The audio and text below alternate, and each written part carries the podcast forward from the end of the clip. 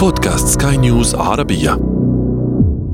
أهلا بكم إلى هذا أنا الذي يسلط الضوء على شخصيات تركت بصماتها عبر التاريخ.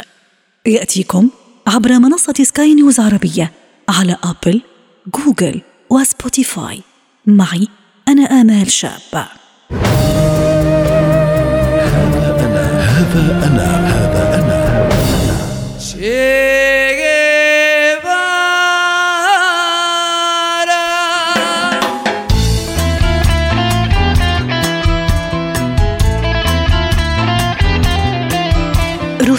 روساريو شمال غرب بوينوس آيرس الأرجنتين. إننا في عام 1928 لقد تبقى على دخول فصل الصيف سبعة أيام. في عائلة ذات أصول إيرلندية وإسبانية باسكية يولد إرنستو جيفارا. إنه الأكبر بين خمسة أطفال. والده مؤيد قوي للجمهوريين من الحرب الأهلية الإسبانية. لقد تعود الطفل إرنستو على رؤية قدامى المحاربين ينزلون ضيوفا في بيت العائلة. بعمر الثانية عشرة إرنستو يبدي ميلا كبيرا إلى الشعر والقراءة. إنه يقرأ لكبار الشعراء والكتاب. أمثال بابلو نيرودا وجان بول سارتر وكارل ماركس. إننا في عام 1948 إرنستو جيفارا يلتحق بجامعة بوينس آيرس لدراسة الطب. لقد تخرج من الجامعة قبل أن يترك مهنة الطب بعدما ازداد اهتمامه بالماركسية. إنه يعتقد أن الثورة وحدها من سيحقق العدالة لشعب أمريكا الجنوبية.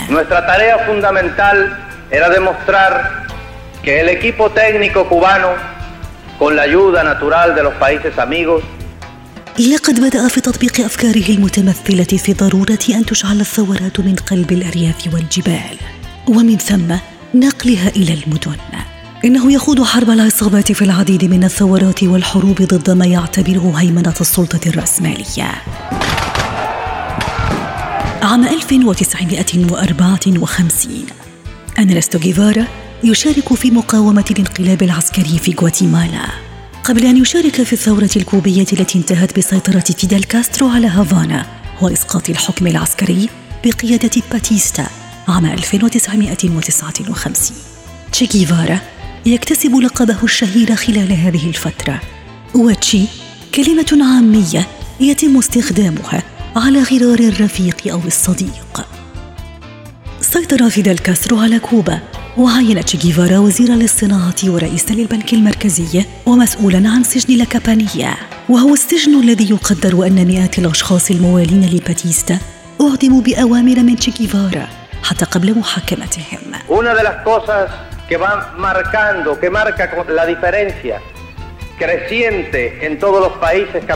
بالرغم مما رآه البعض إصلاحات اقتصادية حققها تشي جيفارا في كوبا فإن البعض يرى أنه لم يستطع تحقيق كل أفكاره الثورية على الأرض. لأن الواقع كان يحتاج إلى رجل سياسة وليس رجل ثورة. تشي جيفارا يدعم الحركات التحررية في الجزائر وفيتنام وتشيلي والسلفادور Proclama que cuenta con la comprensión y el apoyo de todos los pueblos del mundo? Y especialmente del campo socialista encabezado por la Unión Soviética. Esa proclama es patria o muerte. إننا في عام 1964 تشي جيفارا يلقي خطابا تاريخيا أمام الأمم المتحدة أدان فيه السياسة الخارجية الأمريكية والفصل العنصري في جنوب. Venceremos. إننا في الرابع والعشرين من فبراير عام 1965 تشي جيفارا في الجزائر. إنه يلقي ما سيصبح خطابه الأخير قبل أن يختفي عن الحياة العامة. وهو ما سيثير تساؤلات كثيرة عن سر اختفائه ومكانه في الفترة المقبلة. ممثلو حركة استقلال موزمبيق قالوا إنهم التقوا بتشي جيفارا في أواخر عام 1966 أو أوائل عام 1967 وعرض عليهم المساعدة في مشروعاتهم الثورية وهي المساعدة التي رفضها هؤلاء. جيفارا يلتحق بالثورة البوليفية. لم تنجح المقاومة وحرب العصابات هذه المرة من الوقوف أمام قوة الولايات المتحدة والجيش البوليفي. إننا في الثامن من أكتوبر عام 1967 لقد ألقى الجيش البوليفي القبض على تشيغيفارا ليتم إعدامه في اليوم التالي. لقد رحل ذلك الذي لطالما اعتبر موته وعدا لولادة جديدة. خمسة عقود على رحيل تشيغيفارا لكن الجدل لا يزال قائما بين من يعتبرونه رمزا للحركات اليسارية وأولئك الذين يعتبرونه جلادا لا يرحم.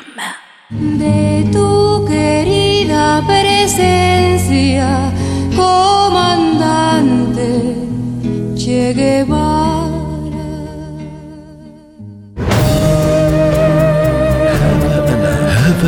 هذا أنا. نهاية هذه الحلقة من هذا أنا. استمعتم إليها عبر منصة سكاي نيوز عربية على أبل، جوجل وسبوتيفاي. ولنا لقاء. تقبلوا تحياتي. أنا آمال شابة في الإعداد والتقديم وتحيات المخرج يحيى جلال.